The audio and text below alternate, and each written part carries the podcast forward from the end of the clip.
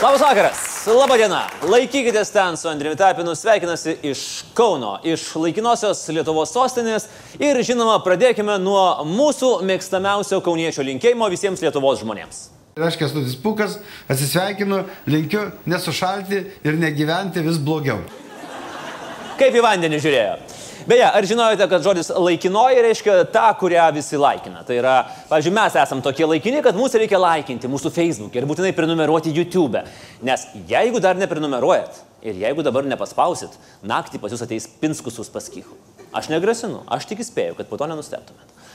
Ne, iš tiesų laikinąją sostinę valdo tas, kuris viską laikina. Bet žinot, kaip sakė teta Neringa, gyvenime būna juodos ir violetinės atkarpos. Kartais visvaldas pataiko palaikinti ir pamaitinti nuostabių žmonių kompaniją. Ir regis jau sotų žurnalistai nebeturėtų loti ant nuostabaus mero, o kartais įkiša savo nykštį taip giliai, kad po to ryte teisinasi, jog padarė nedovanotiną klaidą. Dėl nedovanotinos tai gal čia per stipriai, bet pamoka yra aiški prieš keldamas nykštį apsidairyk, kas tau už nugaros. Kad nebūtų, kaip pasakytų gražulis, ryto staigmenos. Nors kokia čia ryto staigmena? Va, jeigu karaliaus Mindaugo taurė būtų laimėjęs rytas, va tada būtų ryto staigmena. Nors, na, nu, kokia čia staigmena? Va čia tai ryto staigmena praėjusią savaitę tarė buvęs Kauno meras Andrius Kupčinskas. Sužinojęs, kad vis dėlto kauniečiai pagaliau sukę galvas ilgai atrado būdą, kaip juo atsikratyti ir atiduoti Vilniui. Taip, ponai. Vos pusantrų metų Seime praleidęs jaunasis konservatorius Tadas Langaitis suvokė, kad nebegali, nebegali taikytis su įdingais valstiečių darbo principais ir padėjo Seimo nario mandatą. Būtent opozicijoje nesitaikyti su įdingais pozicijos sprendimais, tai yra tas pats, kas pasidaryti riebalų nusirbimo operaciją, sužinot, kad tavo svajonių vyras vis tiek pasirinko kitą ir tada prisišlamšti cepeliną. Langaitis įrodė, kad tapti Lietuvos Respublikos Seimo nariu yra tas pats kaip na, girta atsitiktinė santoka Las Vegase. Naktį Elvis Vaigauskas sutokė, o ryte jau keliai išsiskyrė. Treneris kartais turi aikštelėje išleisti daugiau a, stipresnius polėjus, kartais reikia papildomo a, gynėjo. O Tevinės sąjungos būtent atsarginių solelis yra labai ilgas ir stiprus. Ir šiandien dienai tam, kad vykdyti parlamentinę kontrolę ir vykdyti valdančiųjų kontrolę ir stabdyti jų, tarkim, kai kurias antidemokratinės tendencijas iš tiesų, aš manau, kad aš nesu stipriausias žmogus, iš tiesų tai nėra mano stiprioji pusė. Ateina kitas žmogus, kuris iš ties yra labai patyręs a, dirbti iš apkasų opozicijoje. Dirbti iš apkasų. Man atrodo, kad Tadas iki nesuprato, kuris dirba per pusantrų metų. Bet jau turbūt supratot, kad e, taip Tadas e, paseno galimybės Lietuvai, Langaitis pristatinėja jį Seime keičiantį Andrių Kupčinską. Baisiai patyrusi bičia, kuris sugebėjo atiduoti konservatorių tvirtovę Kauna gandriukams faktiškai be kovos. Na, dar blogesnis treneris už Lavarą Bolą, kurio Vytautas pirmavo 30 taškų antrajame kelinė, bet sugebėjo gauti skudurus. Tikrai, brandus, apgalvotas konservatorių sprendimas.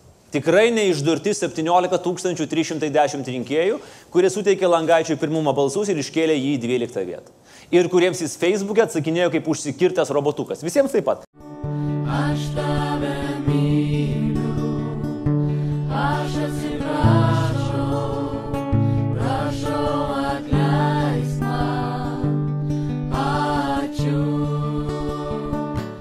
Rinkėjai neišdurti. Sprendimas nesusijęs su to, kad Langaitis jau seniai turi privačių interesų blockchain projektuose ir Gabrieliaus Landsbergio veidas netrodo taip, tarsi būtų išgirdęs, kad senelis kandidatuos darbo partijos pirmininko rinkimuose. Mes tikim viskuo. Lygiai taip pat būtume patikėję, jis būtų sakęs, kad jog palieka Seimą tam, kad galėtų vesti autorinę televizijos laidą Langaitis į gamtą. Būtume tikėję.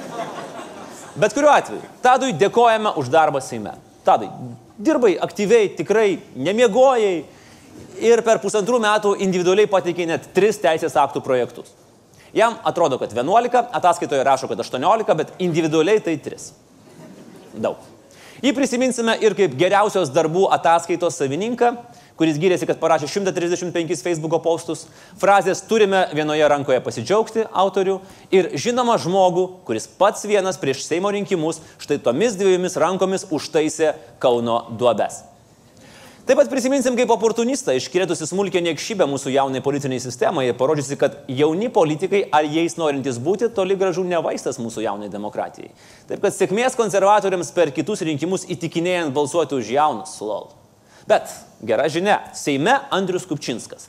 Žmogus palaikantis ploną ryšį su realybė. Kai kandidatavau į Seimą, Pritrūko šiek tiek palaikymo vienmandatėje apygardoje, sako Andrius. Realybėje jį valstietė papirtienė atkalė 10 tūkstančių prieš 5 tūkstančius, dvigubai. Ta pati papirtienė, kuri tikrai kietai paremė Ramūną, kai jam buvo sunku dėl klaunų ir žinoma smagiai fotkinosi su vis valdonykščiu. Na, tas šiek tiek skamba taip pat, jei Napoleonas po Vaterlų būtų sakęs, pritrūko šiek tiek. Jeigu lietuvis išgėręs tris brendžio ant viršaus du didelius alaus, tada keturias čerkelės baltos ir galiausiai šaltmetinio likerio ir užkandęs bandelę ryte sakytų, nu su ta bandelė šiek tiek per daug gavus. Įdomus Andriaus požiūris ir į Seimo nario mandatą. Mandatas toks subtilus dalykas, sako Kupčinskas. Neverta susikoncentruoti į jį. Ir galiausiai, politinė veikla, kaip amerikietiški kalneliai dalyjasi konservatorių savo įspūdžiais. Na taip, jeigu iš pradžių susimoky, tada lietai kyli, jausdamas kaip viskas šlampa, tada lėki žemyn išsprogusiam akim klykdamas iš baimės, o išlipęs šlitiniuoji ir kurį laiką negali pritapti prie visuomenės, tai taip, politinė veikla yra absoliučiai tokie amerikietiški kalneliai. Kitas skandalas Lenkijoje, keliaukime pas kaimynus. Teisės sauga tyrė, iš kur vienas įtakingiausių šalies kunigų, katalikiškos žiniasklaidos magnatas Marijos radijos teigėjas ir vadovas Tadeušas Rizikas, gavo du prabangius Bardzo nuliovus automobilius. Paties kunigo aiškinimas yra vertas aštunto pasaulio stebuklų. Pasirodo, automobilius jam padovanojo toks benamis vardu Stanislavas. Iš kur pas benamį tokie pinigai? Pasirodo, benamis Stanislavas loterijoje laimėjo 310 tūkstančių eurų ir nesugalvojo, ką su jais geriau padaryti, kaip tik nupirkti kunigui du naujus telaičius Volkswagenus. Ar Stanislavas gali tai patvirtinti? Deja, ne. Nes Stanislavas netrukus po laimėjimo numirė. Dabar kunigas teigia, kad kas kart sėsdamas už dovanoto automobilio vairo pasimeldžia už amžinatelisio bomžo sielą. Kas juokingiausia, kad geri pavyzdžiai užkrečia. Mokesčių vengimu įtariamas vietinis Lenkų verslininkas Marcinas Dubienieckis, paklausęs, iš kur pas jį atsirado prabangus Poršas, rimtų veidų paaiškino, kad automobilį jam padovanojo Benamio Stanislavo draugas Benamis Miroslavas. Na, klausai ir pavydas įma. Kol mes čia bandėm vytis Estiją, Lenkija į priekį nušaliavo nesuvokiamai žingsniais. Netgi Valdemaras Tomaševskis naują Volkswageną pirkosi už savus, ogi galėjo paprašyti, kad Miroslavo draugas Vladimir jam nupirktų. Nors Potencialo čia turime. Alantoje yra kunigas įgytas studentas, matyt, už prikalėdotus pinigus už 40 tūkstančių eurų įsigijęs Tesla, ją pamėgęs parkuoti per dvi neįgaliųjų vietas, o po to sudaužęs Vilniuje. Paklausęs, kam jam reikia Teslos, kunigas tikino, kad labai pergyvena, kai po kaimą važinėja su Tuareg, Volkswagen, visų reigių, nes teršia gamtą, o popiežius ragina mažiau teršti. Arčiau, šilta, taip jau šilta. Potencialo turi ir Panevežio rajono klebonas Rimantas Visotskis, neseniai pagautas girtas už vairo ir netekęs teisių, prieš tai nėręs į energetikos verslą ir planavęs pasakyti 22 saulės jėgainės. Savo 33 gimtadienį šis nuodėmių išryšėjęs šventė klebonijos šarvojimo salėje, o vienas iš svečių džiugę žinę parapijonims nusprendė pranešti vidurnatį skambindamas bažnyčios varpais. Kita gimtadienį tas pats kunigėlis atšventė su dviem banditais ir dviem merginomis, linksminosi tol, kol sodybą netikėtai šturmavo Aras. Tai, žodžiu, dar ne tėvas Ricikas, bet potencialo yra. Svarbiausia turėti įkvėpimo. O va jo sočiai gavo skuodo darželio lopšelio saulutė vaikai. Šventinio rytmečio metu vasarijos aplankė ekspresyviai šokiais ant stalo žinoma Seimo narė Levutė Staniuvienė. Bet kaip reikia nemylėti savo vaiko, kad jam duotum vardą Levutė? Nu, bet čia. Jos padėjėja ir Skuodo rajono administracijos direktorius. Šventę vedė darželio direktorė ir gera mūsų laidos draugė, ir gera mūsų visų draugė Audronė Pitrėninė. Jeigu dar nežinojo, tai po uh, nesėkmingos ministrės karjeros įsidarbino Skuodo lapšelio darželio direktorė. Ir ponė Pitrėninė vedė ne tik šventę, bet ir viktoriną apie Lietuvą lapšelinukams. Aš nežinau, kuo tie vaikai nusikalto, ką jie padarė blogo. Bet kai Pitrėninė veda viktoriną, darosi įdomu. O šventės kulminacija tapo, ir dabar jau cituoju iš e, vietinės spaudos ir lopšelio darželio tinklapio, Vaikučių porelė pasipuošusi gerųjų dėdžių iš Karbauskio fondo Švieskime vaikus dovanotais tautiniais drabužiais. Na, šiaip su tais geraisiais dėdėmis darželiuose aš sakyčiau gal atsargiau kažkiek reikėtų. O savivaldybės direktorius linkėjo kūrybinės minties ir gerų idėjų lopšelinukams kūrybinės minties ir gerų idėjų. Na, bet jeigu tu turi rezervę tik tą vieną linkėjimą skuodę, nu tai tu jį ir naudoji visą. O pats nuobodžiausias savaitės įvykis, aišku, buvo mažiekas. Nes kartojasi dažniau negu Juozo grasinimai emigruoti, Scorpions atsisveikinimo turą ir reklama per TV3 olimpiados metu. Žiūrėkit, savivaldybės įmonė, direktorius, socialdemokratas Įtariamas ėmęs kyšių. Kas naujo? Nieko. Išskyrus vienintelį dalyką, kad savivaldybė mažiekių, o direktoriaus pavardė mažieikis. Tai vadinasi, jeigu nori regione užimti vadovaujantį postą Lietuvoje, tai tu turi turėti ne tik teisingos partijos biletą, bet dar ir teisingą pavardę. Sosdemo vadas Palutskas paragino mažiekiai atsistatydinti, bet, na, gintarai, nu, trrr, prilaikyk arklius. Jeigu visi kyšio ėmimų įtariami socdemai atsistatydinsi dar iš partijos išeis, tai iki rinkimų gali be minimalaus narių skaičiaus partijoje. Ir pabaigai nauja lietuviškų Walking Dead serija. Čia, kai e, lietuviški politiniai numirėliai gargaliuoja ir svaidosi prakeiksmais buvusiems bendražygiams, su kuriais dar visai neseniai taip smagiai drauge gėrė valstybės kraują. Viktoras Uspaskikas praėjusią savaitę naują LSDP, Lietuvos zombių demokratų partiją, e, kuriančius buvusius partijos draugus, išvadino komunistiniais pirdylomis, perbėgėliais, prostitutėmis ir prostitutais. E, buvęs draugas Pinskus priėmė taip asmeniškai ir nusprendė atsikirsti. Nu, matyt, ilgai galvojo, kaip čia originaliai atšovus ir pagaliau dėjo. Tu pats pirdyla. Ir dar karšinčius. Taškas. Ponai, vaikai jūs skaito. Paaugliai jūs skaito. Lietuva be patyčių hashtag. Fantastika, bet vis dėlto, o kokiegi buvo draugai? Pinskus net į Maskvą ant meilės sparnų skriejo, kai ten pabėgęs iš Lietuvos kamavosi Viktoras Uspaskikas. Eh, negali nesidžiaugti, matydamas, kaip pats susinaikina šitas šašas ant Lietuvos demokratijos kūną, kurį Per kažkokią klaidą kažkas pavadino partiją. O praėjusią savaitę baigėsi Pjongčango žiemos olimpinės žaidynės. Žaidynės baigėsi, bet toliau aiškintis reikės mūsų mielai Rusijai, kuri net ir nedalyvaudama vis tiek sugeba įkliūti su dopingu. Nuostabusis egzempliorius yra bobslėjininkė Nadežda Sergejeva, kuri dar visai neseniai pozavo su mėgstiniu, ant kurio buvo užrašas Aš nevartoju dopingo. Spėkit, ką parodė jos testas Korejoje. Mm. Geri pavyzdžiai užkrečia. Tikrai verta gamintis marškinėlius, kuriuose ne visai atitiktų faktą teisybę. Nu, pavyzdžiui, neringa Venskienė galėtų pasigaminti marškinėlius greičiau į Lietuvą, aš pasilgau Lietuvos. Nausėda su mačiuliu ofisuose kabinasi po plakatą visi švedų bankai vagiai. Širinskinė segasi sermėga išsiuvinėta užrašus sex, drugs and rock and roll. Ant selo kurtinės marškinėlio užrašas vienintelis ištiktukas, kurį leidžia savo vyrai, trauk jūs velniai. Langaitis nenustosiu dirbti Lietuvai seniai socdemai ir tada dirbame Lietuvai. Tomaševskis dirbti Lietuvai. Ginteras Einikis gali pasipuošti mėgstiniu būk stipri. Olinas Balsys vairuoju blaivus, nes myliu jūs. Visas pasaulis kalbėjo apie įsimintinas norvegų akmenslidininkų kelnes. Bet dar daugiau dėmesio sulaukė šeimininė rusų akmenslidininkų pora Aleksandras Krušelnickis bei Anastasija Brizgalova, kurie iškovojo bronzą Bet ilgai jie nesidžiaugia, nes Krušelnickio dopingo testas buvo teigiamas. Pakartotinė ekspertizė patvirtino, sorry, meldoniumas. Dopingas ant menslidyje. Originalu. Čia kaip į Seimo plenarinį posėdį atsinešti beisbolo lasdą ir jie mojuot per diskusiją. Argumentai skamba įtikinamiau. Bet taip negalima. Bet aš galvoju apie Krušelnickio žmoną. Nu, ne tą prasme galvoju. Tiesiog galvoju, vargšė moteris. Jeigu jos vyrui vien šluotą pabrūžinti reikia dopingo, tai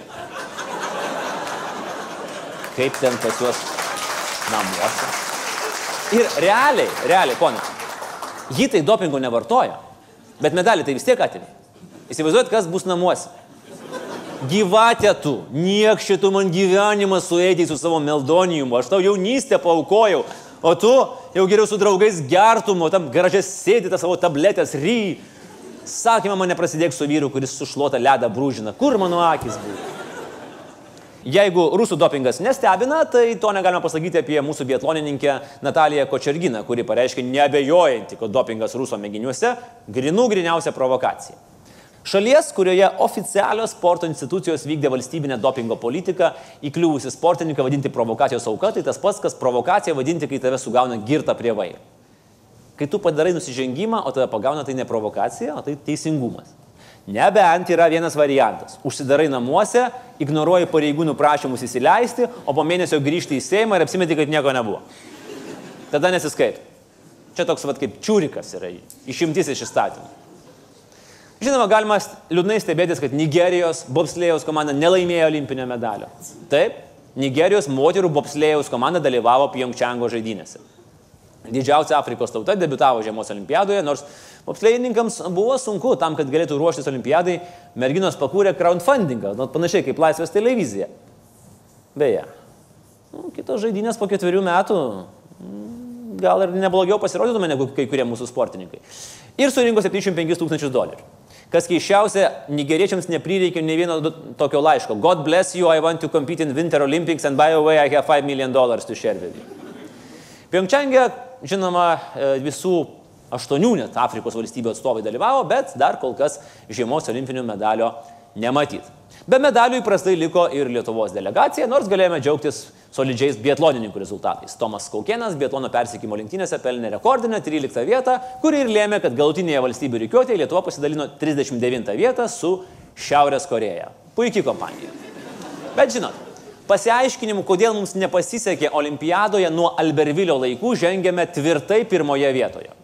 Buvo pernelik šalta, daugiau lipau į kalną neįleidausi, minčių buvo visokių, bet daugiausiai blogos. Prašiau mintise savo partnerių tik negryžk, niekada negryžk. Teisėjams nusibodo laukti ir jie neleido man finišuoti, yra kaip yra. Šiaurės Korejai 13 vietą pelnė dailiojo čiuožimo pora. Galbūt ne taip dailiai, tačiau be kalbų įspūdingai čiuožė Olandai, kurie absoliučiai dominavo greitojo čiuožimo takuose. 20 e, medalių bendroje reikiuotėje, 20 vieta ir visi medaliai būtent čiuožėjų. Taip kad oficialiai galima teikti, kad šita tauta yra neblogai pričiuožus. Idėja Lietuvai. Į kitą olimpiadą čiuožti siūskime ne tik Agnės Reikaitę, dėja praleidusią žaidynės dėl traumos, bet ir dainininką Mantą Jankievičių, choreografą Gytį Ivanauską ir tą trečią bičią, kurio niekas nepažįsta. Čiuoški galėtų tapti rimtų pretendentų į apdovanojimus. Greitasis čiuožimas dar olimpiadoje išsiskyrė ir trumpiausių šių olimpinių žaidynių pasirodymų. Čia pasižymėjo Lenkas Arturas Nogalas, nučiuožęs rekordinį atstumą maždaug vieną metrą.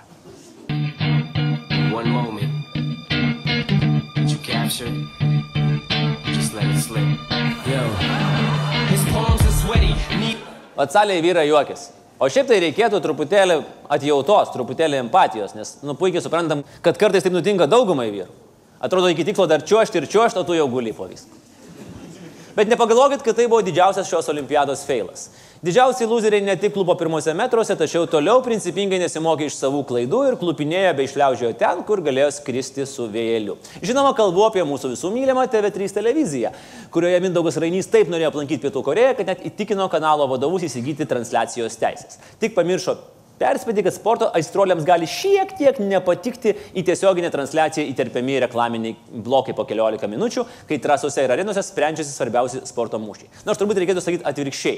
Turėtų nepatikti, kai į reklamas įterpiami šiek tiek olimpiadiniai fragmentai. Manau, kad žiemos sporto gerbėjai per šią olimpiadą apie dantų pastą, indaplovų kapsulės ir greitųjų kreditų bendrovę sužinojo gerokai daugiau negu apie sportininkų pasirodymus. Sulaukė pasipiktinimo, TV3 atstovai tradiciškai užėmė poziciją su tai jo ką, jau komerciniams kanalams iš reklamos nebegalima užsidirbti.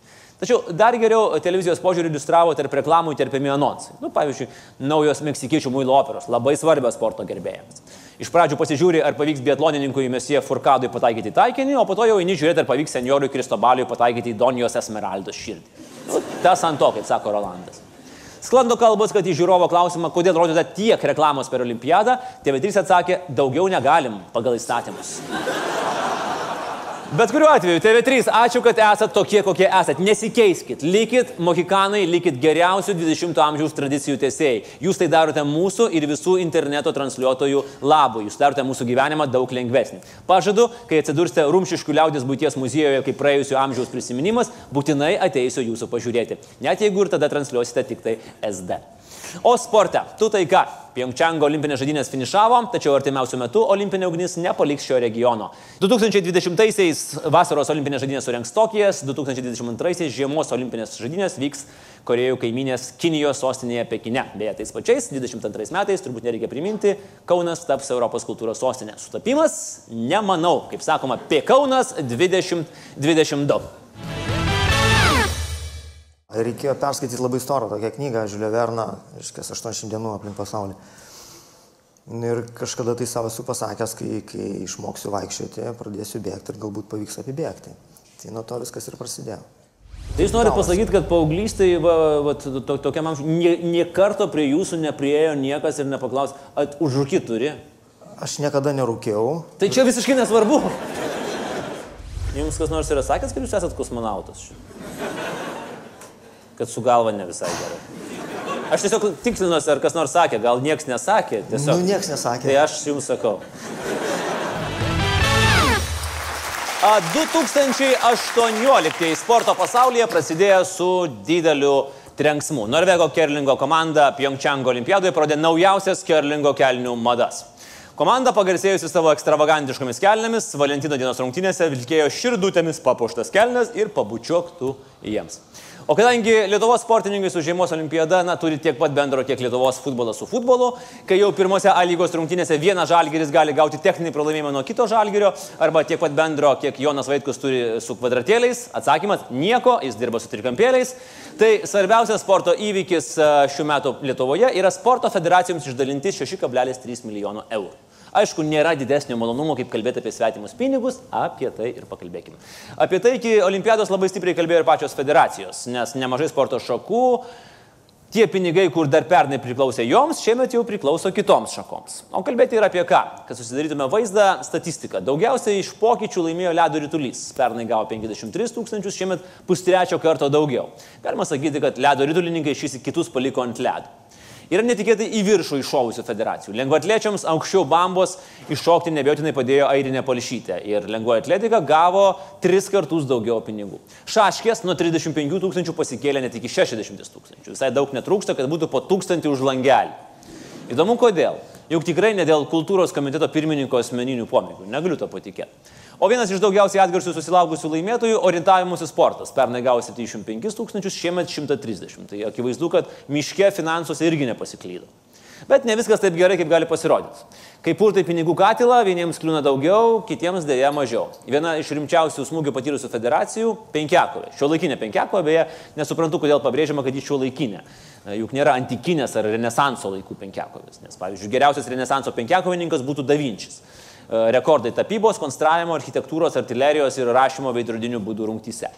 Pernai e, gavo beveik 200 tūkstančių, šiemet viso labo 120 keli. Minus 700 tūkstančių. Ko nusikalto?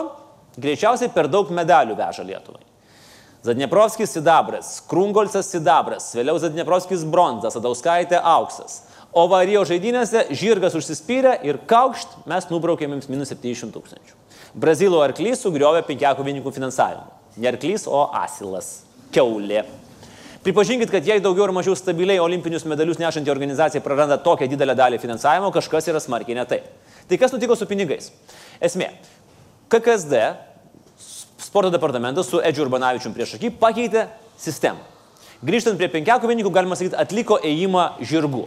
Įvedė naujus kriterijus, pagal ką skirstomi pinigai.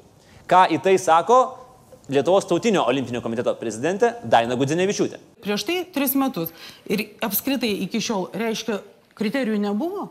Tai kaip valstybinė institucija dalino federacijoms pinigus, jeigu dabar džiaugiasi naujais gerais ir aiškiais kriterijais. Vertinant griežtai, Lietuvos tautinis olimpinis komitetas ir kultūros ir sporto departamentas yra vieni geriausių tarpusavio gerklių kandžiajimo profesionalų mūsų sporto Jorkai ir Lankasteriai, Starkai ir Lannisteri, Montekė ir Kapulečiai, Rimai ir Nerimai, Landsbergiai ir Pinskai. Nu, suprantat situaciją. Jeigu būtų tarpusavio rėjimuose federacija, tai jie abu gautų tiek pinigų, kiek tik reikėtų. Olimpinis komitetas yra visuomeninė organizacija ir po to jau pinigus skirsto, kaip jai atrodo geriau. KKSD nori pinigus skirsit patys, bet niekas neduoda. Ir va taip gyvena kaip nevykusi pora. Abu reikia viens ant kito, kad daugiau namus prižiūrėti reikia, tu va tik tai šemalį, aš va skalbiu ir lyginu ir valgyt padarau.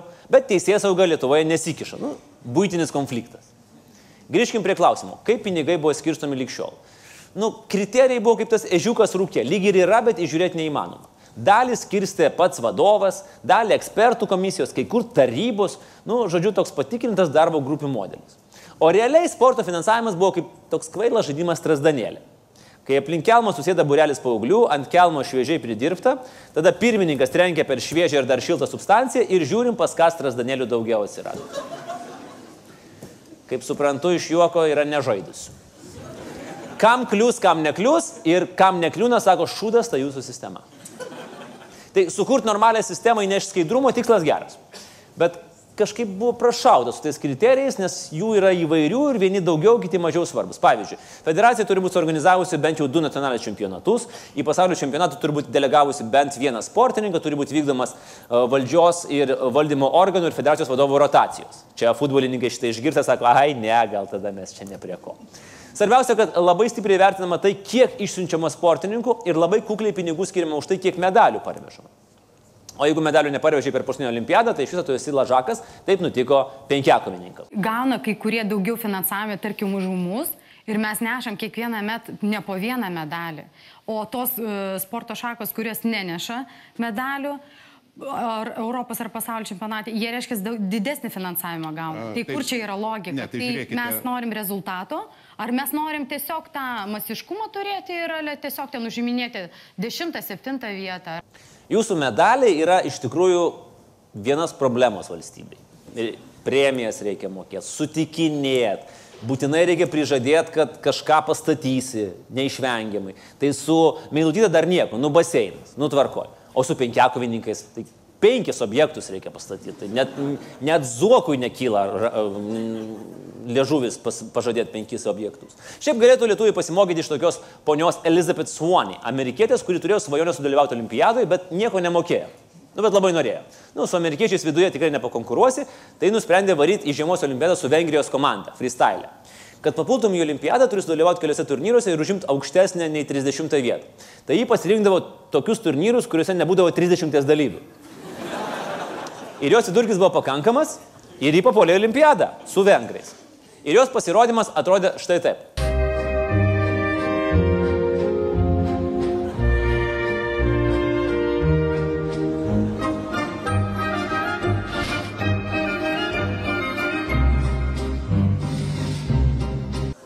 Jeigu kas nežinot, tai šitos sporto šakos esmė triukai. Jai nepasakė kažkas. Jai sakė, reikia nučiuošti. Gerai. Sakysit, kad Elizabet sukčiavo apie olimpinius įstatymus? Ne, viskas tvarkoja. Įstatymai nepažeisti, institucijos viską išsiaiškins, kaip sako mūsų valstiečiai. Tad mintis, galbūt kiekvienoje olimpinėje sporto šakoje galėtų būti po vieną prašalaitį, kad žiūrovai galėtų pamatyti, kaip lyginant su profesionalais sporte pasirodo paprastas mirtingasis. Nu, panašiai kaip pas mus Seime. Tik atvirkščiai. Mums reikėtų bent poros profesionalų, kad matytume, kaip atrodo prašalaičiai. Grįžtant prie pinigų skirstimo Lietuvoje. Nepatenkintos liko ir tos sporto šakos, kurios pinigų regis, regis turi apšiai. Pavyzdžiui, plaukimo federacija pernai gavo 330 tūkstančių, dabar net 530. Nu, atrodo, gavai pinigų, tylėk ir dievą mylėk. O ką plaukikai sako? Aš jau suprantu, link kur mes keliaujam. Mes keliaujam link to, kad jūs kelsite uždavinius e, atletams rinkti taškus, o ne užimti vietas. Taip, taip, tai, tai yra, Pagal naują sistemą. tai ar ne? yra tokia kryptis yra parodyta, kad mes tikrai varžybas vyksime, jeigu mes anksčiau sakydom, kad mes važiuojam iškovoti du medalius penkiem plaukikam plaukti varžybų finale ar panašiai, tai dabar tikrai bus keliamas tikslas Atnešti kuo didesnę atnešti kuo pintinę. didesnę pintinę. Ir mes turime, kaip sakau, paskaičiavome, kas neša daugiausiai taškų, ten mes ir statysim prioritetą. Tai yra tikrai estafetės, mes darysime, kad estafetės būtų ne tik tai vyrų kombinuota, bet ir e, mišri estafetė, ir 4 po 100 laisvų stilium, 4 po 200 galbūt. Tarsi, tai yra mūsų kryptis. Belenkas vyksta, realiai. Aš iki galo nesu tikras, bet uh, man atrodo, kad kai vyks estafetė, visi kiti plaukikai uh, lenktyniaus dėl medalio, mūsiškai plauks su pintinė rankai kažkodėl. Aš dar iki galo ir perdavinės tą pintinę viens kitam. Nes svarbiausia, aš kaip suprantu, dabar kriterijus plaukikams yra pasiekti, nu, finišą, tai nepaskesti. Uh, ir nesušalti. Tai va, nesvarbu, kiek tu neši medalių, svarbu, kuo daugiau išsiųsti sportininkų į čempionatus. Ir garsiausias posakis, svarbu nelaimėti, svarbu dalyvauti, nuo šiol iš tikrųjų tinka ne tik seksui, bet ir Lietuvos sporto finansavimui. O kaip reikėtų skirti tuos pinigus? Gal iš tikrųjų daugiau dėmesio kreipti į sporto šakas, kurias vaikai mieliau kieme žaidžia nuo jaunų dienų.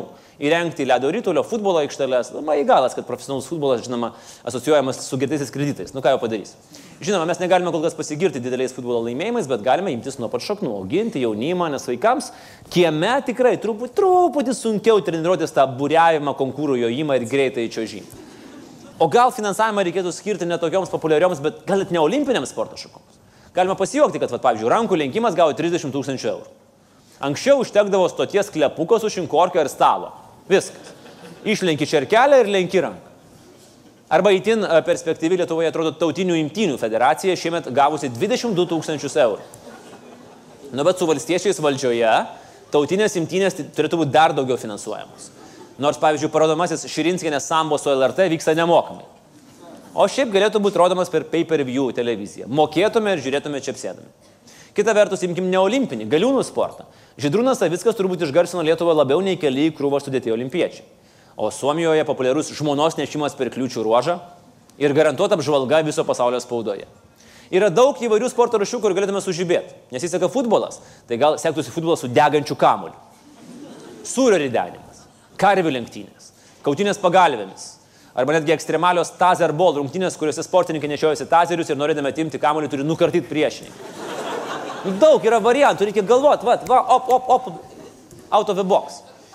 Gerai, o jeigu prie finansavimo nagus prikiš valstiečiai, a, nu tai tada visi pinigai tiesiai šaškių su kliūtimis federacijai.